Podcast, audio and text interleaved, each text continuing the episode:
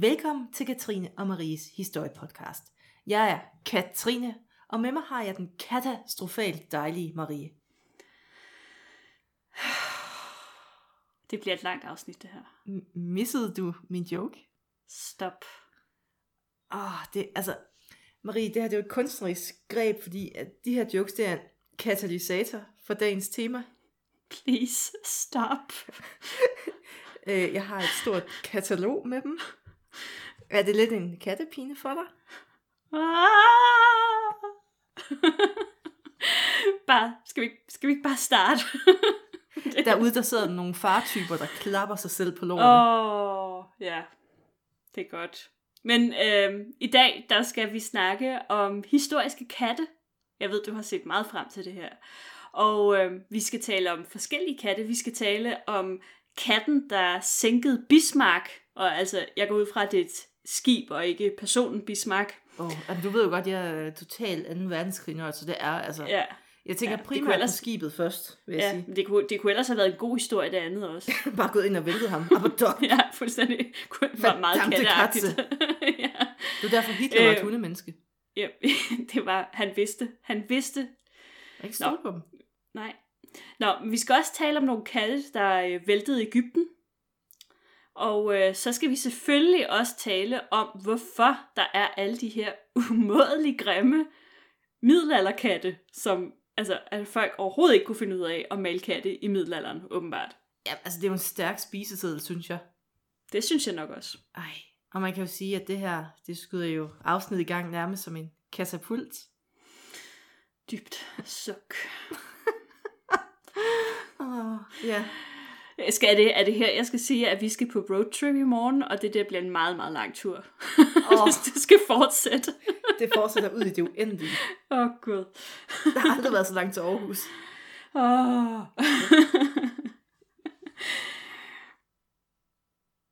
Marie, vil du, Mhm. skal, skal vi gå i gang? Og vi, Ja. vi går faktisk i en helt anden retning til at starte med, fordi det er vi jo kendt for at gøre. ja, det er i hvert fald det er noget, vi er begyndt på. Ja, fordi vi har fået historienyheder. Det har vi. Og i dag, så er det jo sådan lidt, og jeg ved, du har glædet dig til det især, spicy Ja. Henrik den 8. news. Uh, jeg elsker alt, hvad der har at gøre med Henrik den 8. og The Tudors.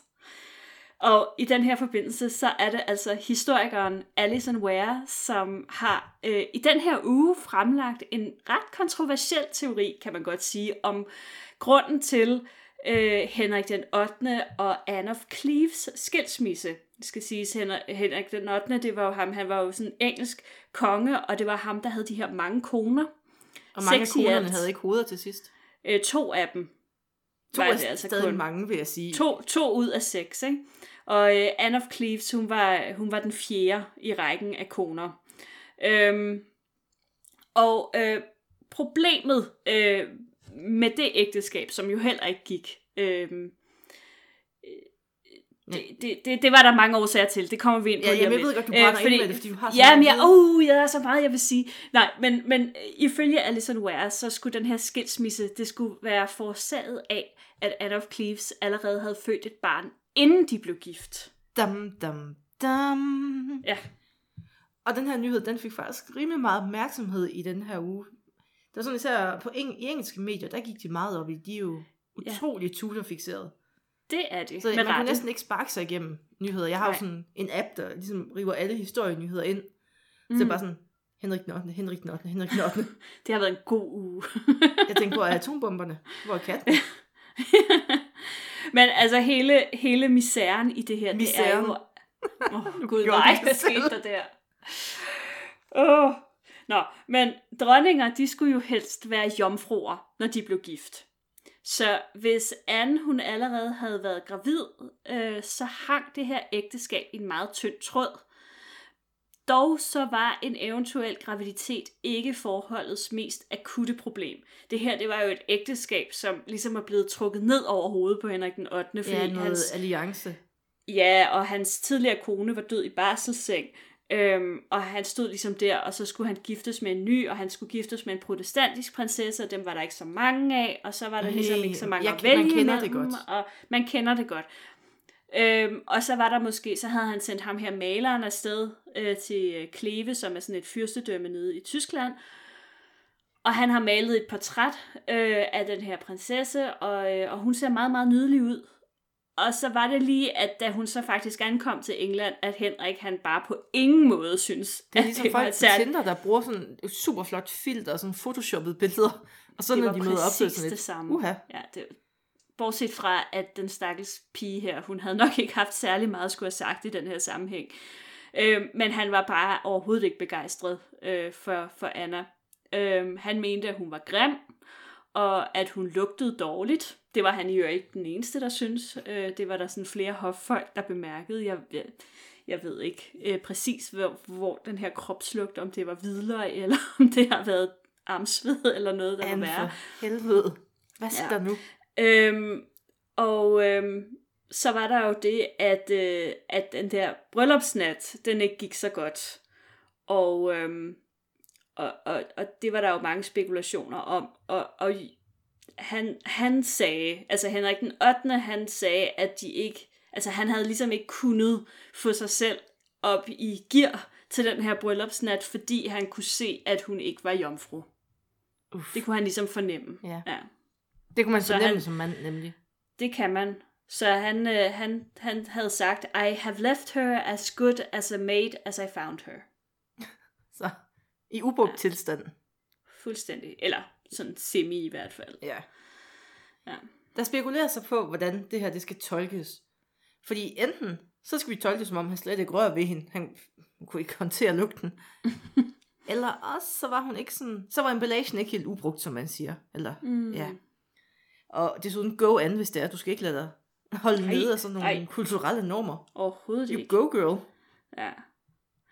Altså, der er så nogle andre kilder, som ikke er aware, øh, der indikerer, at Anne, hun ikke sådan helt forstod konceptet med bier og blomster. Øh, der var en samtale med en hofdame, hvor de kommer ind på, hvordan det sådan går med det her ægteskabelige forhold. Og øh, Anne, hun kan ikke forstå, hvorfor hun ikke er blevet gravid endnu. Fordi at kongen, han kysser hende jo både godnat og godmorgen. Og hofdamen er så ligesom hende, der må breake nyheden til hende om, at der skal lidt mere end et, bare et godnatkys på kinden til at lave en arving. Det wow. Visdom. Ja, præcis. Ja, og det her ægteskab, det holder ikke for evigt. Nej, Det, det, gjorde det ikke. det, var, det var ikke godt for nogen af dem. Mm. Altså man kan sige, at de bliver skilt på god fod, og hun får lov til at beholde sit hoved, hvilket i det her cirkus faktisk er et succeskriterie. Det må man sige. Og altså personligt er jeg jo sådan lidt lunken omkring den her nyhed, Marie. Ja. Og jeg tænker, kildemateriale, det er sådan lidt... Altså, det er, en, det er et tolkningsspørgsmål. Ja. Og altså, min kedelige historiker hjerne siger jo så... Meh. Ja. Men så på den anden side, så er der jo sket vildere ting. Og når det er Tudor-familien, så er der jo... Altså, the sky is the limit for craziness her. Hvad var det tidligere, der sagde du, at det var øh, middelalderens svar på The Kardashians? Lige præcis. This, times, ja. uh, this time on the Tudors. Præcis. Altså, nu er jeg jo faktisk ret stor fan af Alison Ware, og jeg har læst stort set alle hendes bøger. Øhm, men jeg er altså heller ikke helt med på den her teori. Og det er jeg heller ikke, fordi øhm, Og hun, Henrik hun publicerer det jo også i en... Altså, det jeg kunne få ud af nyheden, det er jo ikke ja. altså, en artikel, det er jo en novelle, hun laver. Ja, det er rigtigt. Altså, hun har, hun har simpelthen, hun har lavet, altså, det, hun, hun har både lavet sådan nogle, øh, hvad skal man sige, øh, Fagbøger. populærvidenskabelige ja. bøger, der handler om, altså sådan meget faktuelle bøger, der handler om, om livet øh, ved, de, ved Tudor-hoffet, men hun har også skrevet en række romaner. Øh, Og det her, det en falder de i her, Romankategorien. den, den er jo, den er, det bliver fremlagt i en af romanerne. Dem har jeg ikke læst, vil jeg så sige, så det ved jeg ikke noget om. Men, øhm, hvad hedder det? Øh, der var det, at på det her tidspunkt er Henrik Nottene allerede ret meget op i årene. Han er rimelig tyk. Ikke at det er et problem, men, men det gør måske lidt i forhold til sådan ens generelle form. Øhm, når man er sådan en midaldrende mand. Og I den alder, og der går, og i den sådan, Ja. altså, der status, går så rygter kan om, man løbe ind i problemer. det kan man, og der går rygter om, at han var impotent. Og når man nu er sådan en, en øh, konge som ham, så er, er det måske ikke den fedeste ting at have siddende på sig. Så er det nok nemmere bare at sige, at det er hende, der er noget galt med.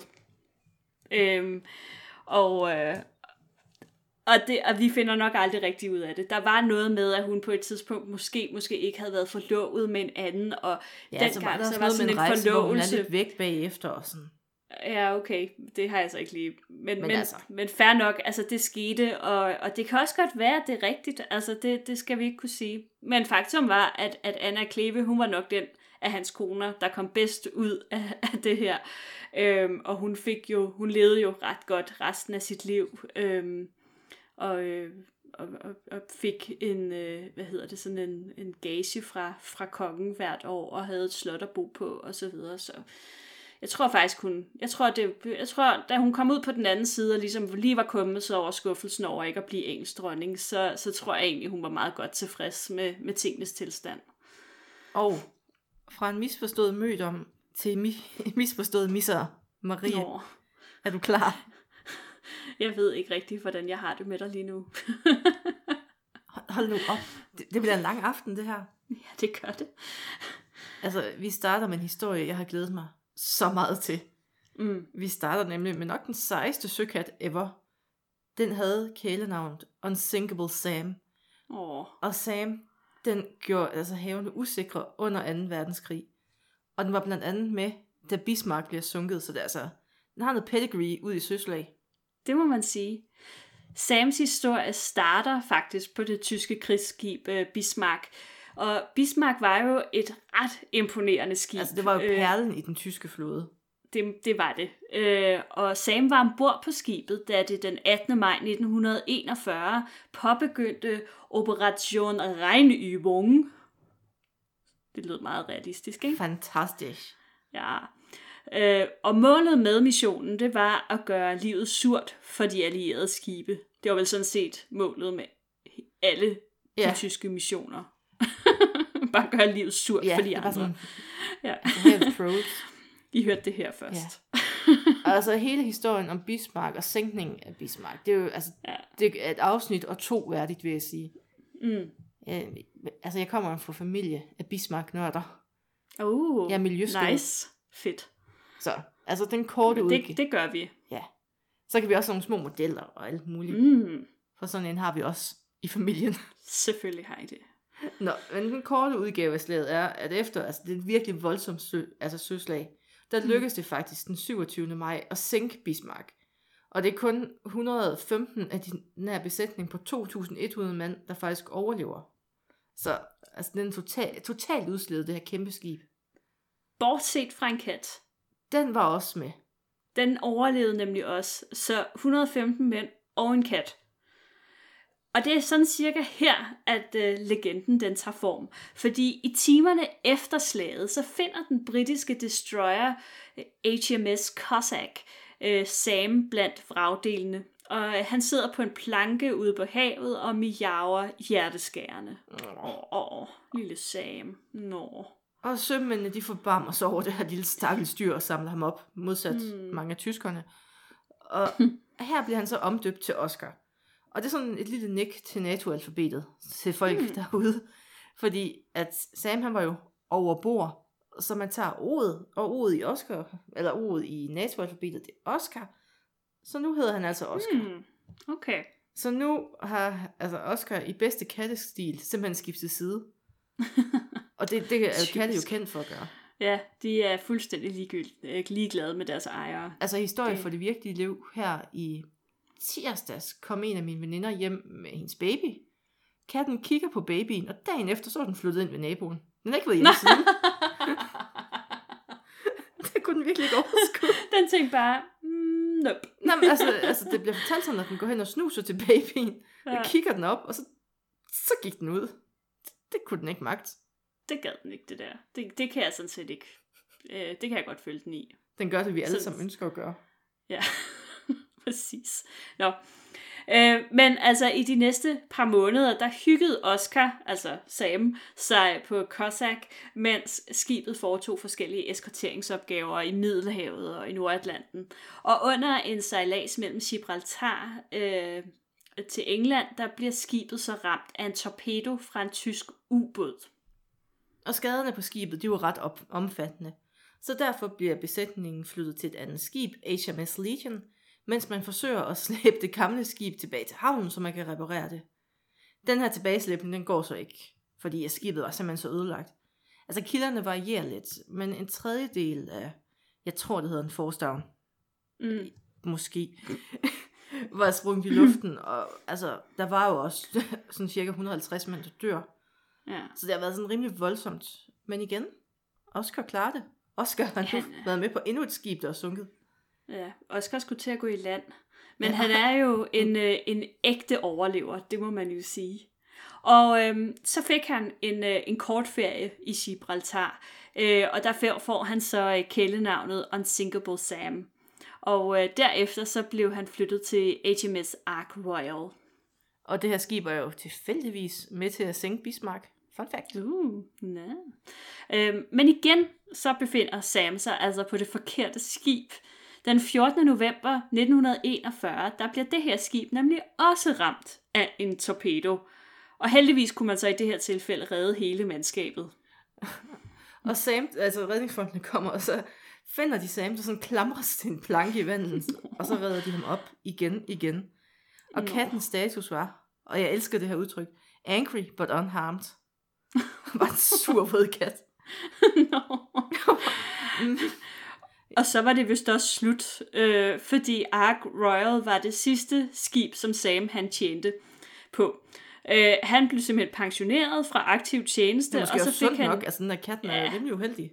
Ja, jeg tænker også, at øh, det kan jo faktisk være, at det var den, der bragte uheld. Altså, jeg siger bare, den, altså, deserterer, det kan være, den var dobbeltagent. Ja, præcis. Det kunne være faktisk, det var, den, den, var sådan, den havde placeret alle mulige bomber og sådan Jamen, det kan være, den har sådan en lille, sådan en lille radar-ting, eller sådan, sådan bibet, de Ja. der torpedobåde, sådan. Oh, selvfølgelig ja. Nå, men efter han ligesom blev pensioneret, øh, så fik han en chance hos øh, guvernøren på Gibraltar som mussefanger. Og øh, efter krigen, så øh, blev han så sendt til et sømandshjem i Belfast, hvor han levede trygt og måske også lykkeligt til sin død i 1955. Og det er jo en herlig, herlig historie om en kat. Mm. Mm. Og det kan vi jo godt lide. Mm. Og det er også, altså måske er moralen også, at man skal vide, hvornår man skal skifte hold.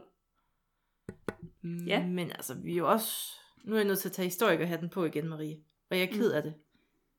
Fordi at det, der er jo en chance for, at det er lidt en sømandshistorie. Nå, Ja, fordi altså, der er flere ting i det, der sådan får et eller andet til at kilde lidt. Og især det med, at man samler ham op efter, altså at man sænker Bismarck. Fordi Ja. jeg kan ikke rigtig få ind i mit hoved, hvor det, hvorfor et allieret skib sejle så tæt på det her, altså de her vragdele. Fordi Hmm. der var rigtig mange tyskere, der lå i vandet og fik lov til at dø. okay. Og så var der jo også altså en ægte far for, der stadig var ubåde i området. Ja, Altså tyske ubåde. Så, altså hvis jeg var allieret skib, så var jeg bare, adieu. hmm. Så- ja okay. Og de havde jo Hmm. altså også en tydelig ordre på, at de ikke skulle ud og samle folk op, så hvorfor sejle tæt på? Fordi det- kat? Ja, selvfølgelig hvis der var katte. Ja, de hørte, de hørte dens hjerteskærende Miau, med miau. miauen, og så kunne de simpelthen bare ikke, de kunne ikke vende om. Ja, jeg ved det Og godt. jeg synes i øvrigt ikke, at facts skal ødelægge den gode historie.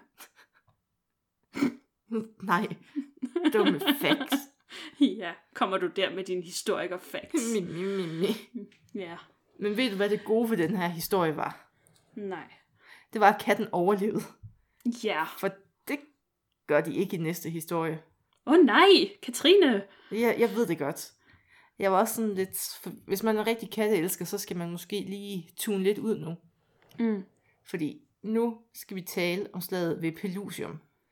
Og det involverer gamle Ægypter, og det involverer perser, det er jo folk, vi har snakket om før. Og Ægypterne, mm. de gamle Ægypter, de var jo kæmpe fans af katte. Altså, Det er færdigt. det vi gør i dag, det er jo ingenting i forhold til, hvad de fik engang. Og det er jo også lidt som om, at katten aldrig kom så over den her status i Ægypten. Nej, altså det... Øh, de, de, vil, de, de, de forstår ikke rigtigt, at vi ikke tilbeder dem stadigvæk. Nej, ikke som guder i hvert fald. Og det, Mm. jeg tror måske, de er sådan lidt, lidt mugne over det. Ja. Men altså, Ægypterne, de elskede katte og øh, dyr generelt. Deres øh, guder var afbildet som dyr, og øh, det gav jo også dyrene en sådan ret speciel status i samfundet. Statusen den var ret tydelig i den egyptiske kunst og kultur. For eksempel så var guden Bast øh, afbildet som en halv eller som halv kat, halv kvinde. Meget special combination. Øh, og Bast, han var, eller Hun. hun var, jeg ved ikke, hvorfor jeg synes, Bast skulle være et hannenavn. Hannenavn? Det var en virkelig mærkelig måde at sige det på. Nå, whatever.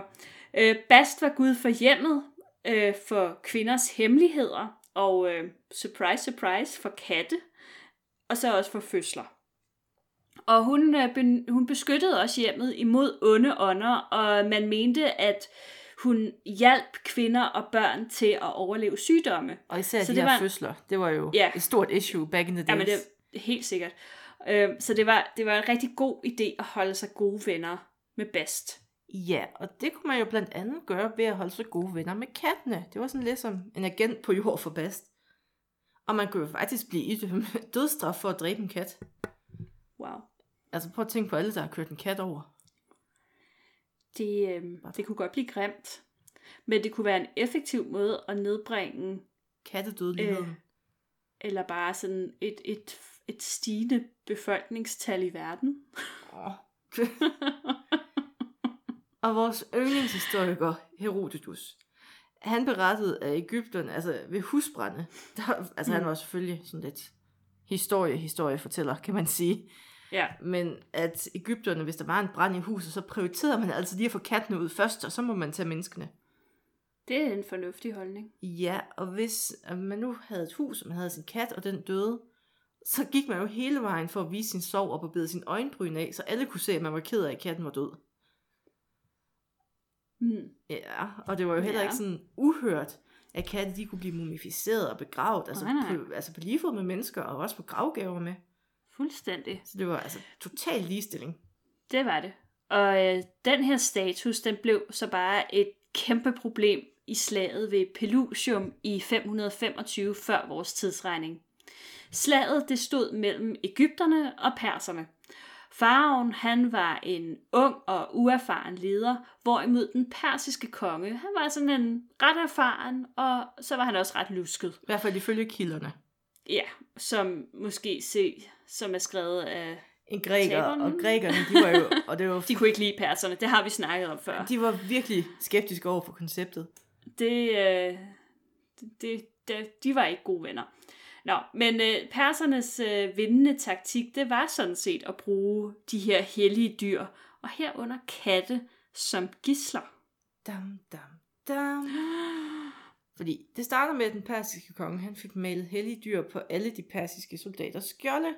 Fordi så får man ligesom noget på gudbillede på. Ja. Og så får man ellers indsamlet en masse dyr. Sådan de her hellige dyr, hunde og katte og ibiser. Eller ibiser. Jeg ved faktisk ikke, hvad flertalsformen af en ibis er. Ibiser. Mm. Ibiser. Det tror jeg er fint. Ja. Nå, dem putter man form i ledet, og så begynder man at drive dem fremad. Og, og de egyptiske soldater, de ved ikke helt, hvad de skal gøre ved det her koncept. Mm. Fordi at man må jo ikke rigtig dræbe de her hellige dyr. og der, så der, man er sådan lidt, altså, hvordan forholder man sig til det her? Man kan jo ikke skyde en pil afsted. Tænk, hvis du rammer en kat. Jamen, det er jo det. Ja, Det er jo faktisk et, det er jo et ægte dilemma. altså det masser af monopol. Where are you? Skulle man øh, risikere at gøre guderne sure, eller hvad? Ja. Altså, og, det, og det ender jo med, at Ægypterne de taber stort. Ja, kæmpe, kæmpe stort. Mm. Mm. Og Herodotus han lægger jo ikke altså, fingre imellem, når han beskriver den her begivenhed. Jeg sad og læste kilden, før vi gik i gang med Rie. Det er ikke engang med i Mm. manus. Men han Nej. fortæller om, hvordan man sådan flere år efter stadig kunne finde knogler i sandet i det her område. Og han bruger rigtig lang tid i den her kilde på at snakke om, altså hvad forskellen på persiske kranier og egyptiske kranier er. Okay. Det lyder- på. Det lyder som, øh, som, som noget, mm, ja, som ikke er så godt. Ja, og det værste er, at altså, der er jo også andre kilder, der sådan er lidt mere ude i, at den persiske konge, han måske i højere grad forstod egyptisk kultur, og faktisk sådan lå dem lidt værre, efter han havde besat det, så du ikke... Men altså, du ved, Mm. de grækere, de Ja. grækere, de grækere. De grækere, man kan ikke stole på dem. Ja, Ikke hvad de skriver i hvert fald. ikke altid. Og øh, ja, men altså de persere, de er også nogle luskebukse. Jamen, det er de, de, altså, de snyder jo, hvor de kan. Altså jeg har set 300. Jamen, altså, Den, den har jeg set. ved du hvad, så kan du skifte i hvert fald tre år på universitetet. tænker jeg. Den mest historisk korrekte film nogensinde. Mm, Punktum. Mm. Ligesom King Arthur. Men det er en anden snak. Ja. Marie, skal vi føle os lidt mere kattekloge? For vi har jo Ja. teaset lidt med nogle grimme katte. Ja, Marie, vi har lagt billeder op på sociale medier af dem. ja det, øh, det er jo det. De er mildest talt ikke super kønne. Ej, det, det, jeg vil sige, jeg vil faktisk sige, at hvis man ikke, altså, hvis man ikke fik det at vide, så kunne det faktisk nogen, i nogle tilfælde være svært at se, at det var katte. Der er i hvert fald en, vi lagde op, hvor jeg tænkte, det kunne godt være en ilder. Ja, det står, det står altså rigtig skidt til. Og jeg synes, altså hvis I ikke har været inde og se dem, så, Så øh, kig gå lige på ind dem, mens på... vi snakker om det Ja, fælles. altså øh, gå ind på Instagram eller på Facebook, der ligger øh, billederne af de her katte. Øhm, og ja, altså der er nogle af dem, der ligner sådan creepy børn, eller dæmoner måske lige frem. Jeg ved det ikke rigtigt. Ja, og det er måske ikke sådan helt tilfældigt faktisk.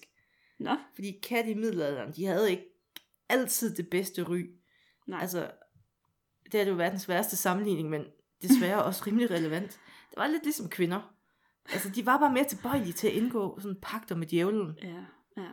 Og altså, Og der har- sådan en del af trolddom og tage aktiv del i dem. Det er jo ikke tilfældigt, at, at man sådan, altså den stereotype heks har den sorte kat med sig. og Altså, det er vi jo tror ikke stadig det- på uheld og sorte katte. Ja, sådan, altså i princippet i hvert fald. Ja, jamen, alle har jo hørt det. Og øhm, men vi ved jo også, at, altså, at ens kat vil sælge sin sjæl for, for Whiskas. Og også din sjæl, altså. Og jeg har også min sjæl, ja. Altså, det sekund katten finder ud af, hvordan man kan bruge en dåseåbner, så er du død. Ja, Men øh, præcis. Altså, der er også flere sådan sager med hekse, hvor katten også er anklaget. Ja, ja. Der var, det, det er helt insane. Sådan, Mm. en kat, at man, sådan, man ærer en kat med en kogt handske med huller i, og så, og så, kan tage, ja, så bliver den lige pludselig magisk og alt muligt. Mm. Mm. Ja, Og katten er bare... jeg, jeg har en eller anden erindring om, øh, faktisk om, det var øh, historien om Anne Palles, hvor at, at, øh, at hun har en, en kat på sin gård, som, som man så siger er djævlen faktisk. Sådan en gammel huskat eller sådan et eller andet stakkelskræ.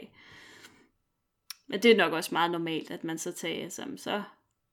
Det er djævlen in disguise. Jamen, det er så typisk. Jeg læste også om en sag, hvor at både hun og katten, altså sådan tre søstre, var anklaget mm. og en kat.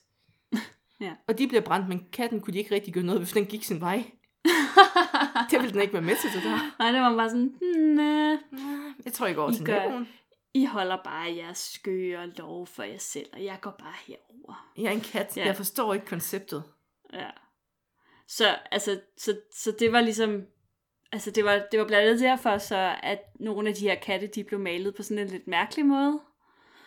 Altså Ja, fordi man forbandt shady. dem med sådan trolddom og noget uhyggeligt, så man ville ligesom ikke, altså lidt ligesom at man ikke ville male et billede af djævlen, så ville man, så bragte det måske uheld, hvis man tegnede en alt for realistisk kat, eller hvordan? Ja, altså, så de skulle i hvert fald ikke afbilledes, som om det var noget, noget sødt eller realistisk. Nej, okay. Det var, så måtte man lige tage nogle valg der. Men så var der jo også en, en anden ting, og det var, at altså, det var jo, det er jo ikke alle, som er lige gode til at male. Nej, Altså, svisken på disken. Øhm, og derfor så, så kan, eller kunne, grimme babyer også sådan ret nemt lige blive lavet om til en kat, hvis nu, at man skulle skjule sådan en lille upser. Øhm, og det kan vi jo så grine lidt af i dag. Så altså nogle af de katte, som har menneskeansigter. det var fordi, øh, det var et menneske, og så man tænkte, det her format virker ikke. Mm, det her, det, det går ikke. Så er det en kat. Ja. Bada bim, bada bum. Og man kan også sige, det var jo sindssygt svært at male i middelalderen. Altså det Også der det. maling, jeg så en dokumentar om det, det er jo noget, altså blomsterekstrakt, og så skal det hærde med noget æg over, og... Altså hvis man lavede en fejl, bare- så var det lidt svært at fjerne igen. Ja. Så måtte man bare commit til at lave en kat. og på min computer, jeg tror, jeg, jeg talte sammen, jeg tror, jeg har næsten 40 billeder af grimme middelalderkatte. Ja, det tvivler jeg sjovt nok ikke på. Det kommer overhovedet ikke som en overraskelse for mig. Hvis der nogensinde er nogen, der hacker din computer, så vil de få et chok for af alle de der mærkelige billeder, du har liggende. Katte og atombomber. Ja, Jeg, jeg er en simpel Præcis. kvinde. ja. Og så, og så skal vi jo lige gøre lidt reklame, Marie. her til Ja. slut. Det skal vi da. Fordi er der er ret mange seje katte i historien, og vi kunne ikke få dem alle sammen med, fordi Marie siger, at det må vi ikke. Så derfor, over de næste par dage, så kommer der sådan lidt, lidt katteanekdoter. Mm. Det, er sådan, det må jo ikke misse. Altså, altså inde på vores uh, Instagram. På Og noget alle det- sociale medier, hvor jeg kan få snedt Alle. Ja. Så hvis I ikke allerede følger os på de sociale medier, så gå, så gå ind og følg os. I det mindste, I behøver Øh. ikke at følge, I skal bare se kattene. I, I, I må gerne følge. Men der er katte, og det kan Der er katte. godt. Ja, vi har, vi har fundet ud af, hvordan vi bliver mere populære. Katte er bedre. Mm. Og med de ord, tak fordi I lyttede med.